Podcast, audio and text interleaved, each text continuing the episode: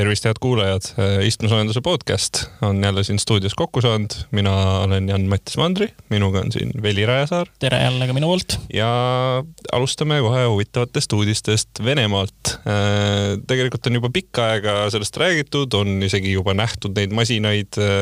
millest me räägime, on siis selline huvitav Vene luksusauto, pigem isegi sihuke limusiinilaadne toode nimega Aurus Senat ja selle esimese mudeliga, mis äh, valmis tehti äh, loomulikult Venemaal nagu ikka, kui sa luksusasja teed, siis sa teed äh, esimesena valmis Putini jaoks ja siis pärast nagu vaatad edasi, et, et kellele, kellele siis seal lähikonnas veel selle maha võiks müüa.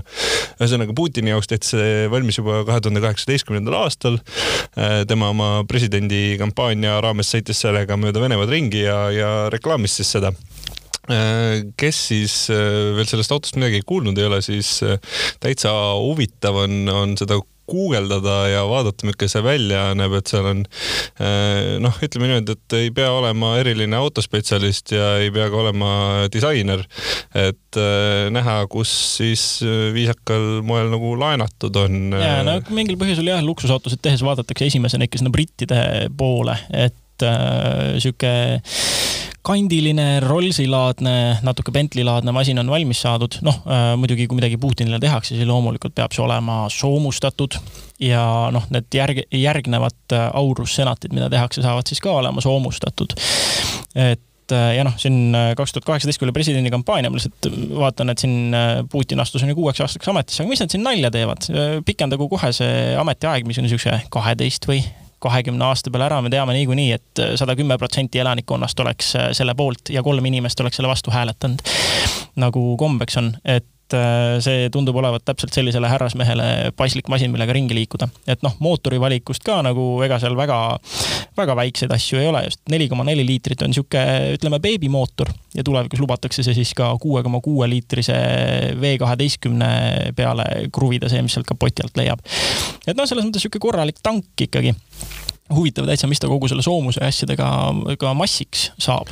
Äh, seda infot ma kusjuures ei leidnud kusagilt, kuigi ma üritasin just neid tehnilisi andmeid äh, rohkem teada saada. see, mis, mida räägiti küll, oli see, et äh, mootoriarendusel on ka Porsche ja Bosch oma käed nagu külge pannud. no minul esimene mõte selle peale on see, et see tõenäoliselt tähendab seda, et seal on äh, Boschi süüteküünlad ja pihustid mm -hmm. ja midagi, mingisugune jubin Porschelt, võib-olla pidurid näiteks, no okei okay,, mootori ja. arendus. no okay, arvestades okay. kogu seda olukorda, siis ega tõenäoliselt äh, Porsche ja Bosch nagu kumbki seda äh,, isegi kui nad oleks seal midagi teinud või nagu mingisugust äh, teadmist natuke jaganud sinna, siis ega nad sellest, sellega nagu mingisugust pistmist äh, ei tahaks äh,, arvestades sanktsioone ja kõik, kõike seda muud, et, et otseselt nad äh, sellega nagu seotud ei saa olla.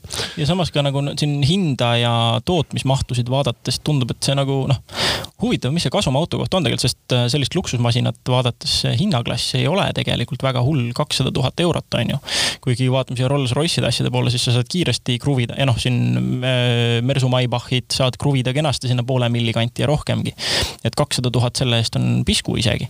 aga jällegi noh, me räägime räägime siin Rollsi ja Maybachi kõrval muidugi Vene, Venemaa tootjast. jah, et ei tea, palju seal nagu lisavarustuses on, et võib-olla on need äh, tagumised elektriaknad on veel nagu lisavarustuses ja sealt tuleb mingi viisteist tuhat juurde ja, ja, ja, ja. et äh, noh, ei, ei tea kunagi, aga igatahes. aga samas, kui Putjale sobib ja tema seda kiidab, siis äh, noh, ju seal ikka midagi, midagi imposantset olema peab, mis nagu teeb olemise seal mõnusaks ja mugavaks. no need kakssada, kolmsada semu, kes seda autot aastas võiks osta vast ikka leiab ja kui Venemaalt ei leia, siis kuskilt Põhja-Koreast või muudest riikidest, kuhu seda eksportida saab, et on ka see võimalus. sõbrad võtavad ikka ära, panevad õla alla. Äh, Toyota teatas, et nad on algatamas uue huvitava garantiiprogrammi ja mida see siis täpsemalt tähendab, on see, et noh, põhimõtteliselt kui sa tahad olla niisugune väga-väga sinisilmne, siis sa võid öelda, et äh, kümneks aastaks sa saad nagu tasuta garantii. Äh, reaalsuses see tähendab seda, et seal on äh, hunnik piiranguid sa pead käima igal aastal vähemalt ühe korra hoolduses ja siis. noh, siis ametlikus Toyota esinduses on ju. jah, ja pärast seda hetke tekib sul siis viisteist tuhat kilomeetrit või üks aastat garantiid, et, et emb-kumb äh, nagu enne kohale jõuab. kuna, kuna siin oli jutt tegelikult isegi, et kümme tuhat miili, kas nad on Euroopas lihtsalt robukalt pannud viisteist tuhat kilomeetrit või, või äkki see on tõesti Euroopas siis kuusteist tuhat kilomeetrit isegi ma... täpsema arvutuse kohaselt? et no igatahes selline, ütleme täitsa, täitsa noh, minule näiteks see, see garantii kataks minu isikliku auto sõidud, noh, ühesõnaga minu isikliku auto sõidud langeksid äh, sinna garantii raamesse küll, et mina seda nagu lõhki ei sõidaks tõenäoliselt. ma arvan, et mul on nibin-nabin umbes sama, et muidugi nendele inimestele, kes tõsisemalt autoga sõidavad ja, ja kellel võib-olla seda garantiid ka rohkem vaja oleks, siis küllap tehti seal kuskil tagatoas mingisugused arvutused, et kust maalt see nagu kasumlik on ja kust mm -hmm. maalt see ei ole ja ja, ja ilmselt see nagu piir seal kuskil maal ongi. aga noh, põhimõtteliselt ongi selle asja mõte on see, et need inimesed, kes sõidavad siis aastas äh, vähem kui viisteist tuhat kilomeetrit, siis nemad saavad saaksid nagu kümne aasta pikkuse garantii endale ja, ja teisest küljest väga positiivne äh, lisa, lisakülg on ju see, et me oleme siin isegi rääkinud, et äh, tegelikult ikkagi aastas korra võiks autoga ikka hooldusesse ja, jõuda. kindlasti ja siin on jällegi see, et äh, need, kellele see aastas korra tundub või noh, kes sõidavadki äh, peaaegu täpselt täis selle viisteist või kuusteist tuhat kilomeetrit, et siis, siis neil noh loomulikult on tegelikult nad võivad vabalt teha ka seda, et nad käivad äh, ühe korra suuremas ametlikus hoolduses Toyota esinduses ja siis näiteks äh, õlivahetuse või midagi teevad, äh, teevad ka sealt eemal, et noh, vahet nagu selles mõttes ei ole, et kes kes tahab, saab kindlasti ka veelgi tihemini hooldatud, aga jah, kord aastas vähemasti on igatahes väga mõistlik, et mitte öelda täiesti vaja, vajalik mm. -hmm. aga noh, siin on, siin on näha natuke seda Koreaga konkureerimist, et kui Kiia Hyundai siin ju pikalt on oma seitsme aastat garantiid andnud, et noh, kuidagi tuleb nendele ju ka kandadele astuda uuesti. ja noh, praegu need nüüd uute Toyota reeglite järgi siis ongi kohe alates tänasest või siis noh, esimesest juunist autot ostes on äh, sul kolm aastat äh, garantii ja siis pärast seda kolmandat aastat saad pikendama hakata. Ja tegelikult äh, on vähemasti senimaani on kehtinud neil ka see, et viis aastat garantii omakorda veel lisaks kehtib siis siin üle, jõuülekandele, et kõik mootor, käigukast kuni veovõllideni välja, on ju jah, ja, ja, ja mida see garantii ei kata, see oleks ka ilmselt äh, mõistlik tänapäeval nagu ära mainida, sest inimestel on tihti väga suured ootused asjade suhtes. et kõiksugu kuluosad, kere, värv, interjööri detailid, et see ilmselgelt äh, garantii alla ei lähe, aga noh, seda, no, seda ta ei ole ka varem läinud. kes tahab täpsemalt näha, kust see piir jookseb, see saab muidugi minna ja ise lugeda selle kohta.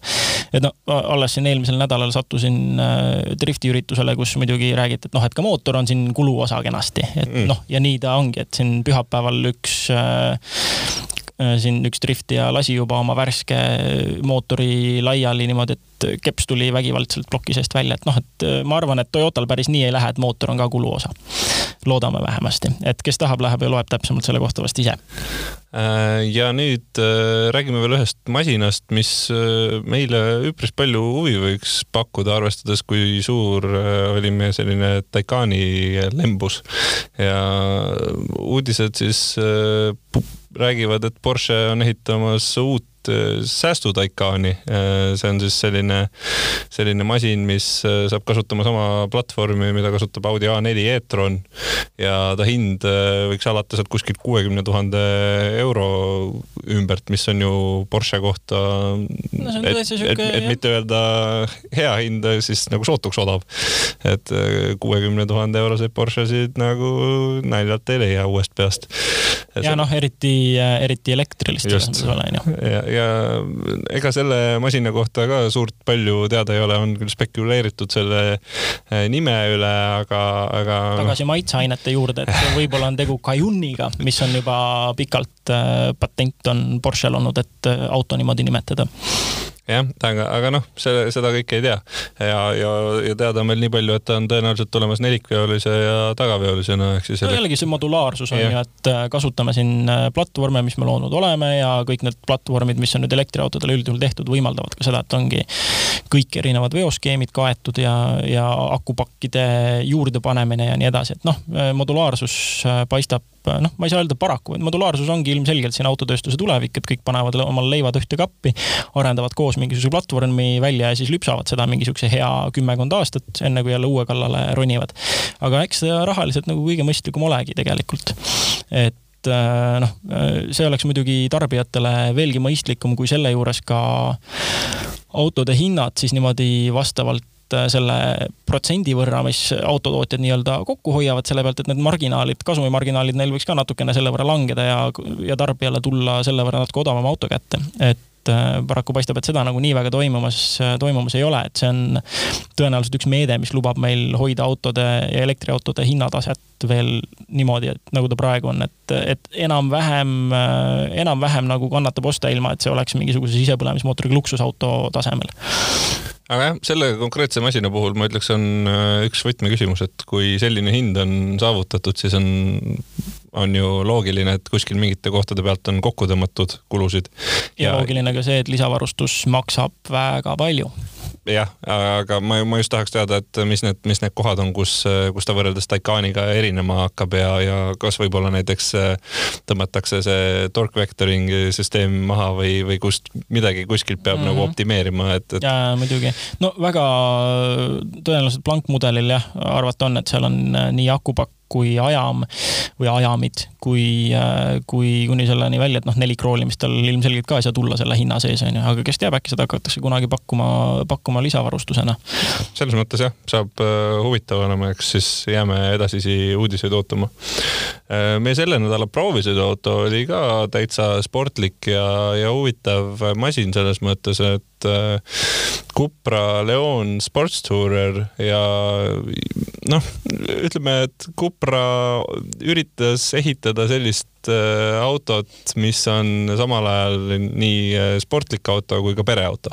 ja see oli mm, nagu no, see nagu... minu, minu nagu põhiasi, kui ma selle kohta nagu vaatasin, kui ma sinna nagu selle juurde jõudsin, siis oli kohe see okei okay.. noh, see on sama jah, kõik need äh, Volkswagen Grupi ja noh, eelnevalt veel, kui Cupra oli Seati all, siis ka need äh, Seat Leon Cuprad ja erinevad universaalid, kiiremad ja noh, üleüldse Cupra masinad on olnud ikkagi siuksed sellesama taotlusega üldjuhul, et äh, kiiremaga ikkagi võimaldab ka mingit praktilisust ja samas jääb alla oma Volkswageni ekvivalendile hinna poolest, et äh, et täpselt sedasama asja tegelikult see Cupra Leon äh, Sports Tourer ka teeb, et noh, meie kätte siis sattus nelikveoline automaatkastiga variant. minu teada käsikasti sellele üldse enam ei pakutagi, et esivedu, esivedu tõesti veel saab. aga, aga jah, ma olen laias laastus või noh täiesti nõus sellega, et see on hästi sihuke jällegi kompromissimasin selle koha pealt, et, et tal on see praktilisus, tal on see kiirus, mida ootab selline, ütleme noh, jah, ta on, ta, ta sihtgrupp, ta on, ta on sobilik inimestele, kes äh, ongi sihuke, ütleme, keskmine, keskealine pereisa, pereema, kes soovib kõik oma pudinad ja lapsed ära mahutada sinna, teha oma piimatiiru ja vahepeal, et oleks ka lõbus ja samas, et oleks ka kurvides lõbus, kui sa satud nädalavahetusel kuskile, kuskile väljareisile. aga selles mõttes ta ei ole, tal ei ole seda fokusseeritust ja tal ei ole seda, mis peaks olema tegelikult ühel sõitja autol minu jaoks. et ta, ta ikkagi jälle kord pean kordama, noh, mul on vahepeal nagu tunne, et ma võib-olla teen Kuprale liiga, aga, aga see, see võtab jälle kokku kõik selle, mis on Volkswagen AG ja mida nad oma nende kiiremate masinatega teevad. et seesama esiveopõhine nelikvedu jätkuvalt seesama kaheliitrine mootor, mida nüüd on siis äh, kolmesaja kümne hobujõu peale vurtsutatud. Needsamad kastid, on ju, et et äh, tal on ikkagi siin hästi palju tehtud kompromisse ja, ja eelnevad kogemused kõigi erinevate masinatega, mille ma olen sõitnud, millel on Cupra nimi küljes. olgu selleks siis Cupra Ateca või ka eelnevalt juba Seati aegadest Leon Cupra. et neil on täpselt seesama kompromissi, äh, kompromissi kogumi maik juures, samuti nagu ka Volkswageni kiiretel erinevatel R-idel. huvitav, et sa teda Formentoriga ei võrrelnud, sellepärast et tegelikult on ju Formentoriga kõige võrreldavam, nad on küll, ehitatud äh... sama platvormi peale, teljevahed on samad, mootorid samad, põhimõtteliselt kõik on üks-ühele sama lihtsalt. ja see ongi, see ongi see tunnetuselt on see auto, ongi täpselt nagu Formentor, ma, ma ei, praegu ei jõudnudki selleni, ma jäin juba siin äh, heietama, kuidas kuidas ta jah, küll seda ja toda, noh, ta ei, ta ei paista nagu otseselt millegagi samas nagu säravalt silma ja see on seesama asi, ma kordan sedasama mõtet, mis ma ütlesin vist kas nüüd juba neli aastat tagasi, siis äh, Leon Cupra kolmesaja kohta. et äh, ta teeb kõike, ta teeb kõike hästi, aga mitte midagi silmapaistvalt et see ongi võib-olla tema see kõige, kõige nagu no ütleme, et klientidele on see tema kõige tugevam müügiargument, et ta on universaalsõdur, mis teeb kõiki asju hästi ja lihtsalt ja, ja kindlasti hind ka, et kui me täpselt, vaatame kolmkümmend, kolmkümmend kaks tuhat umbes täpselt allhind on ju, et mis see... meil, mis meil on nagu nelikveolisest sellise mahtuvusega, sellise praktilisusega ja nelikveolisena ja sellise jõudlusega, ega noh, see segment on mm, põhimõtteliselt selles hinnaklassis tühi. suht raske leida, jah. isegi kui me vaatame sinna kiirete esiveoliste segmenti, siis äh, isegi näiteks äh, üks... no uus GTI näiteks maksab juba enam-vähem sama palju, isegi mm -hmm. Rohkem ja....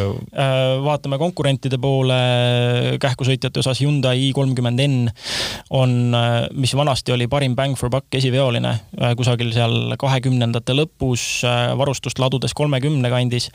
nüüd on ta tõusnud ka sinna kolmekümne keskele. hinnavahemik on nagu sama, mingi paar tuhat siia-sinna ilmselt. jah, täpselt, et nüüd põhimõtteliselt saad, saad selle eest siukse nelikveolise masina, kui sa juba väga tahad. aga samas on jah see, et ta ongi, ta on äh, selles osas, mida ta nagu lubab, ta teeb kõike, mida ta lubab. ta on äh, vägagi praktiline, ta on väle, ta on, on kurvisuutlik. Äh, ja hinnaklass on ka väga hea. ja samas on see, et mida ükski potentsiaalne ostja ei tohiks lasta endale teha, on see, et ärge, ärge laske turundusele endale rääkida, et tegu on mingit sorti võimeka näiteks ringraja autoga et äh, see on ka selline rajapäevaauto, no vot, ma pidin käima ja oma väiksel kodurajal ka ikkagi Tabasalus äh, proovima seda masinat. ja tõdema, et äh, ta selleks ikkagi väga paslik ei ole, et ta on jah, neile, kes käivad väga harva rajal, sa saad oma emotsiooni kätte muidugi. Aga kui sa juba tunned seda rada hästi, kui sa käid seal tihemini, kui sa tead, kuidas seal erinevate autodega kiiresti sõitma peaks, siis jääb puudu sellest emotsioonist puhtalt sellepärast, et see auto sekkub liiga palju. isegi siis, kui kõik laste, lapsehoidjad on välja lülitatud, isegi siis, kui sul on käigukast äh, manuaalrežiimis, siis vahepeal need labad ei kuula, vahepeal kuulavad. Äh, mitme koha peal oli see, et et äh, ongi see nõelasilma kurvist, kus sa peaksid väljuma teise käiguga äh,. noh, mõnikord isegi enne sinna kurvi jõudmist sa vajutad laba juba nagu ühe korra ja siis veel teise korra, et oleks kindel, et ta sinna teise peale alla vahetab. noh, kuna tal on see overrev nii-öelda kaitse, et noh uh, -huh. sind ju kindlasti nagu kusagile veel allapoole esimesse käiku vahetada ei saa. et, et kindel oleks, et sa sealt saaksid teise käiguga väljuda ja siis kurvist väljudes avastad, et kurat, ta ikka jättis vahetamata ja sa oled kolmandas käigus äh, ja pöörded on nii madalal, et sul ringiaeg on juba läinud, on ju. Äh, teine asi, mida ta teeb, on see, et äh, jällegi ma ei saanud loogikast pihta, mille pärast, aga mitmes kurvist väljumises sa võid juba gaasipedaali otsas elada, aga ta võtab sul jõu mingil põhjusel ära. ja sul ei pea selleks auto olema mingis libisemises. tundub, et talle piisas lihtsalt mingit sorti suuremast stabiilsest G-jõust, mille peale ta vaatas, et oo, ei, oot-oot-oot, stabiil-, stabiliseerime nagu auto ära, on ju, G-jõud lähevad alla, nii, nüüd ma annan sulle uuesti jõu tagasi. ja Volkswageni nelikveosüsteemidele omaselt on teda hästi lihtne erinevate asjadega segadusse ajada. eriti näiteks selle raja peal siis need äärekivid ja täristid. mäletad, mhm. mis meil T-Rock R tegi näiteks äh, ühel libedal päeval, kui üks esiratastest. ja viskas, äh, viskas nelikusse. ja täiesti küll jätta. taha, taha silda põhimõtteliselt kõik ju. põhimõtteliselt äh, selle autoga ma avastasin sama asi, et millega ta nagu nii-öelda ära petta et ta annaks sulle selle jõu ikkagi kurvist väljudes ja mõne koha peal isegi annaks sulle rohkem jõudu ja nii-öelda viskaks sind paremini kurvist välja, on see, et sa peadki ühe esiratta sättima sinna äärekivi või täristi peale.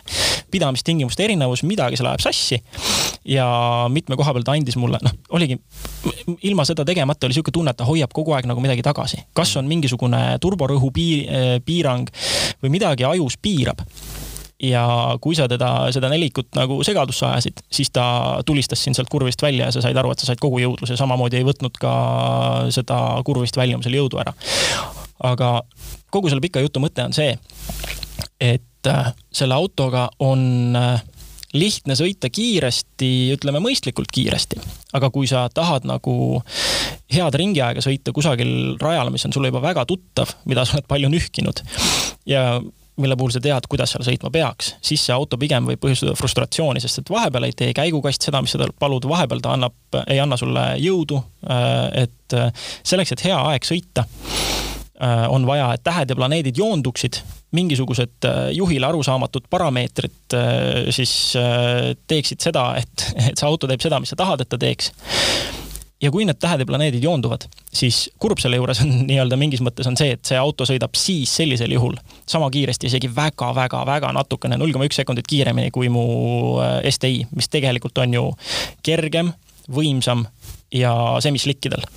et sellel autol olid äh, need samusedki mingisugused Potenza uuemad, uuemad rehvid all, et üldse mitte semislik ja nii suutlik kui, kui need teised, et, et tegelikult nagu selles mõttes, seda arvesse võttes on moodne tehnoloogia nagu jällegi mingis, mingi piiri pealt võib-olla juhtidele õnnistuseks, et näed sa viiskümmend hobujõudu vähem jõudu, kakssada kilogrammi rohkem massi, kehvem rehv, aga ikka sõidab sama kiiresti. et et, äh, et seal seda nagu, äh, selle koha pealt nagu tehnoloogia teeb oma, oma tööd nagu suhteliselt, äh, suhteliselt hästi. noh, ma isiklikult tahaksin välja tuua, mis mulle meeldis, ma isiklikult nagu Tabasallu ei saanud minna, sellepärast et lihtsalt seal oli mingisugune üritus sees ja mm -hmm. ei lubatud, aga, aga mida ma tajusin, oli veermik äh, mulle väga meeldis, mulle meeldivad äh, jäigad veermikud ja seal nagu seda jäikust jagus, kui ta mm -hmm. oli mhm. õigest seades. ja, ja tundus, et ta nagu läbi ei vaju ja kui, kui sa siin hakkasid sellest massist juba rääkima, siis see on nagu teine asi, äh, mis, mis mulle väga positiivse mulje jättis, et ta on noh, ta ei ole väike auto, ta on tegelikult suur, pikk auto. ta on umbes kaks tonni oma, oma massi poolest. tuhat seitsesada ja natuke peale, tuhande seitsmesaja keskele tegelikult no,. Okay.. siin ärme mingitest registrimassidest asjadest räägi, et. ja, ja aga, aga no ta, tal ei ole seda, tal ei ole üldse seda tunnetust, et ta on nii raske, kui ta tegelikult on, ta, ta, ta tundub nagu palju kergem auto. Äh, ja see, ja seda ma tunnetasin isegi ilma selleta, et ma oleks kuhugi rajale läinud. Ja ma seda just nagu mõtlesingi, et, et kindlasti see jäikus ja, ja see, see kindlasti mõjub hästi, aga, aga teades neid äh, Volkswagen, äh, Volkswageni neid nelikveosüsteeme ja kõike seda, siis eks, eks ta oli arvata, et, et ta niimoodi käitub seal, kui saada päris nagu piirini viidud, see ongi mm. -hmm. no ütleme, raja peal see mass tegelikult tuli selle koha pealt rohkem välja, et äh, väga alajuhitava karakter ilmnes mm.. et äh, noh, jällegi seda, seda sai mitu sessiooni proovitud, erinevaid sõidulähenemisi sai proovitud natuke agressiivsemalt, sai proovitud hästi leebelt ja niimoodi nii-öelda rohkem nagu hõljuvat stiili ja kiiruse hoidmist agressiivsete pidurduste ja kiirenduste asemel ja no ikkagi natuke sihuke, sihuke kahe stiili äh, segu oli see, mis kõige kiiremad ajad tõid. et äh, kohe, kui sa kurvis nagu natukene, natukene liiga kiiresti läksid, et noh, mõne autoga ongi see, et sa võidki katsetamise käigus teha ka seda, et vaadata, palju need juhi abilised sinu eest ära teevad. et äh, siin äh, tuttavate ringrajasõitjatega juba, kogemustega ringrajasõitjatega juba arutasime, et äh, et hirmutav on see, et väga paljud moodsad juhid on hakanud oma autodega sõitmagi nii, et neil ongi rajal kõik abilised peal ja nad lendavadki täiesti nagu äh, igasuguse enesealalhoiu instinkti vastaselt kusagile kurvidesse sisse ja nad teavadki, et mingid abilised tõmbavad neil natukene siit-sealt maha, saadavad jõu sinna, kus tarvis ja nad tulevad ühest tükist sealt kurvist välja. Niimoodi, et, et kogenud sõitjad kõrval mõtlevad, et äh, noh, täiesti nagu niimoodi ei kannataks sõita, kui abilisi ei olekski. ja selle autoga samamoodi, kui ta natukene juba suruda, juba natuke-natuke suruda, siis ta läheb hästi alajuhitavaks. et, et seda kiiret aega, kiire aja sõitmiseks samamoodi tuleb täpselt optimaalne kurvi läbimiskiirus valida ja siis jah, põhimõtteliselt loota, et ta ei võta sul nagu kurvist väljudes G-jõudude pärast seda jõudu gaasipedaalilt ära. aga aga laias laastus ikkagi on jah see, et see ongi, nagu sa ütlesid tavasõidul see selliseid, äh, ütleme, negatiivsemaid emotsioone ei ilmne et need ilmnevadki siis, kui sa surud teda piiri, surudki ja kompadki neid piire, siis ta nagu võib-olla läheb natuke segadusse ja enam ei saa nagu täpselt aru, mis talt küsitakse. et seal on jälle see, see on see klassikaline Volkswageni nelikveosüsteemi identiteedikriis, et ta lihtsalt ei saa aru, mis tast tahetakse. jah, äh, ma ühe asja tahaks veel ära markeerida, mis mulle ka väga ei meeldinud, see oli äh, see, et kui sa üritad teha sellist autot, mis on kõikidele, siis lõppude lõpuks sa teed natukene auto, mis ei ole mitte kellelegi, et äh, ma tundsin emotsiooni emotsioonipuudust, et ma võin isegi sõita mingisuguste veidrate autodega, mille, mille puhul ongi nagu mingid hästi kummalised asjad, mida nad teevad. Äh, ja see on okei okay. mm, -hmm. see on selle auto iseloomu osa, aga selle autol seda iseloomu ei ole, et kui, kui me räägime nagu asjast, mis peaks olema ikkagi noh, nimi on tuletatud nagu cup racing ust, aga ma ei, ma ei tunne seda emotsiooni mm seal, siis äh, ma ütleks, et see on probleem. see ei ole probleem, võib-olla kui ma vaatangi Exceli tabelit vaatan, et aa, okei okay,, hea hind, äh, lapsed mahuvad ära, pagasnikusse mahub nagu mingi hunnik asju, kõik on nagu super nagu selles Exceli tabelis. aga ongi see, et kui ma sinna rooli taha istun, siis tuleb sealt äh, heli tuleb aktiivkõlaritest ja, ja, ja sa nagu see on steriilne, see on liiga steriilne. täpselt, sada protsenti nõus. Äh, siin jah, moodsatest autodest rääkides, äh, see emotsiooni osa tihti ongi juba sihuke, et sul pole isegi mõtet enam rääkida, kas sellel autol on mingi emotsioon või ei ole, see on, see on ammu läinud, kui sa oled mingite vanemate kiirete autodega sõitnud. et Äh, kes siin, kes tahavad, saavad minna ja vaadata videot ja lugeda mu Cupra TK arvustust, mis kunagi sai samamoodi tehtud Tabasalu kardirajal, võrreldud seda siin esimese reaalse kiire või noh, esimese nii-öelda õige kiire linnamaasturiga ehk Subaru Forester STI-ga. et võivad minna sinna ja vaadata, see, see järeldus laias laastus, mis ma seal artiklis tegin, on selle auto kohta ka sama. et äh, temaga on hästi lihtne sõita mõistlikult kiiresti ta teeb kõike lubatut väga hästi, ta on oma hinnaklassis väga hea, aga kui sa otsid mingit emotsiooni või elamust, siis äh, selle koha pealt jääb natuke liiga kliiniliseks. et äh, tal ei olegi just täpselt, tal ei ole neid oma mingisuguseid väljapaistvaid iseloomuomadusi, ta teeb kõike keskmiselt. Äh, ja, ja see ongi see, see on niisugune auto, millega treenitud ahv suudaks äh, sõita mõistlikult kiiresti. et hästi lihtne, vajutad oma üht pedaali, vajutad oma teist, äh, hindad enam-vähem olukorda, hoiad kiirust ja siis on juba nagu täitsa tore. ja tal noh, see stardiabi ka on ju samamoodi, ta on, ta on täpselt see, et jällegi sihtgrupi mõttes tegelikult sihitakse väga laia sihtgruppi. Ja noh, ja selles mõttes saadaksegi nagu sellele keskmisele sihtgrupile minu hinnangul ikkagi lõpuks ka pihta, et need ongi need, kes tahavad, et neil oleks väle masin, kui mingisugune bemm tuleb kusagil foori all suruma, siis vajutad oma kupra nuppu rooli peal, vajutad äh, vasakuga piduri põhja, paremaga gaasi põhja, teed oma stardiabiga minekut, äh, jätad selja taha, tunned ennast jälle natuke paremini, oli lõbus, said oma adrenaliini natuke, natuke ülespoole. Et selles mõttes jällegi äh, mitte kuulaja, et kuulaja ei mõtleks, et et kõik on nagu kehvasti, tegelikult see on omas klassis väga hea auto ja ta teeb kõike, mida ta lubab. lihtsalt, kui sa viid rajale ja üritad tema seda piir, neid piire kombata, siis sa enam seda emotsiooni ja seda iseloomu ei leia aga see on, see on väga paljude inimeste jaoks väga okei okay. ja, ja selles mõttes, kui sa otsid mõistlikku autot, mis on natuke sportlikum, siis Cupra teeb need asjad kõik ära, mida ta lubab, et selles mõttes aus, läbipaistev, hea hinnaga. välja arvatud see kõlaritest tulev mootori hääl. see ei ole aus, see ei ole aus. aga selle saab õnneks välja selle saab välja lülitada, see on väga hea uudis. me just äh, sattusime ka rääkima seal ühe müügimehega, et äh, kui varasematel äh, sarnastel aktiivkõlariga autodel pole saanud seda välja lülitada, näiteks mul endal on ka see, et sportrežiimis mm -hmm. hakkab seda kõlari heli tulema, siis äh, praegu on jah võimalus lihtsalt see jõmin on, see on, see jõmin on sada protsenti nagu Cupra Formentoril, see on see, et mingitel pööretel see kõlab nagu boksermootor, mingitel pööretel see kõlab nagu V8, aga ta on hästi äh,, mis see sõna on, sünteetiline ta on, mhm. ta on hullult sünteetiline ja häiriv. ja sa saad kohe aru, et see on nagu võlts. jah, täpselt ja see on see, et, et kõige mõnusam kogemus siis kõrvadele oli minu jaoks sportprofiilis või noh, siis niimoodi, et sa võtad, teedki oma selle mm, individuaalrežiimi, sõidurežiimi, mitte ei kasuta seda kuprat mm -hmm. ja sätid selle enamus asju siis äh, oma enamus asju kupra peale, aga siis heli paned spordi peale. aga sport ei välistanud ka täielikult seda kõlaritest tulevat häält ja see oli, vahe oli kuulda, kui äh, sa oled äh, äh, oled näiteks natuke liiga kõrge käiguga ja madalatel pööretel ja hoiad mingit stabiilset gaasi, siis ütleme alla kahe tuhande pöörde, ta täidab mingisuguse siukse ühtlase bassimüdinaga kõlaritest sul sõitjate ruumi. ja paned sinna siis nagu tavarežiimi veel spordist selle kõige leebema peale, siis see kaob ära et ikkagi päris nagu noh, aga samas sport teeb mingisuguse klapi seal lahti, mis lubab nagu äh, väikseid praginaid ja pauke väljalaskest esile kutsuda. ma arvan, et see sport on niisugune kuldne kesktee, aga Cupra on tõesti, no see on, see, see, see, see hääl ei ole, ei ole ilus äh, nädala automõte tuleneb äh, sel nädalal äh, lihtsalt sellest, et ma sattusin internetis äh, ringi sirvima ja inimesed rääkisid sellest, et missuguseid lahendusi nad tegelikult tahaks näha autode ostmisel.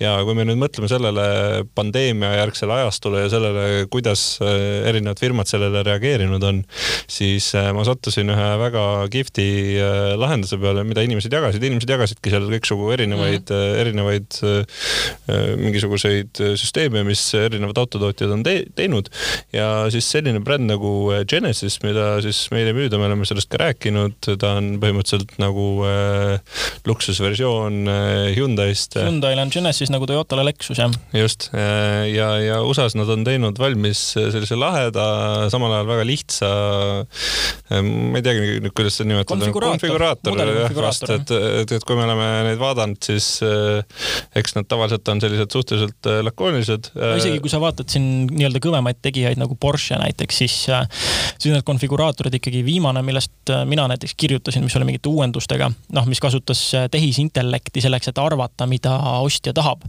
see oli ka piltidega, muidu lubas nagu kõrget high-tech värki, aga siis läksid sinna ja siis äh, konfigureerima, siis ta hakkas sul, noh, pildid on ilusad ja kõik, aga, aga jah, ikkagi piltidena, et see Genesis oma on täiesti 3D ja noh, siin hiljuti veel, veel üks autotootja, kes sellega silma paistis, on ka meil tõenäoliselt suhteliselt tundmatu Ameerika elektriautode tootja Lucid.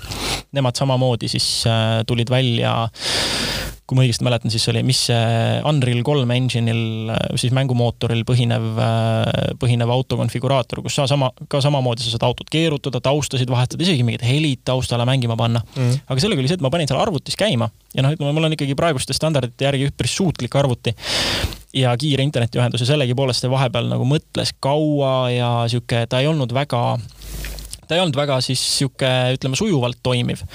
ja nüüd see Genesis oma, ma tegin ta korra telefonis lahti ja no kas ta on väga hästi optimeeritud või mitte, ma pean arvutist. ei, ta ei ole midagi erilist selles mõttes, et ta ongi lihtne, aga just see, kui lihtsalt on võimalik teha asi, mis äh, tekitab äh, emotsiooni, et noh, ikkagi mm tuleme sellesama asja juurde tagasi, et auto ostmine on suuresti emotsionaalne tegu.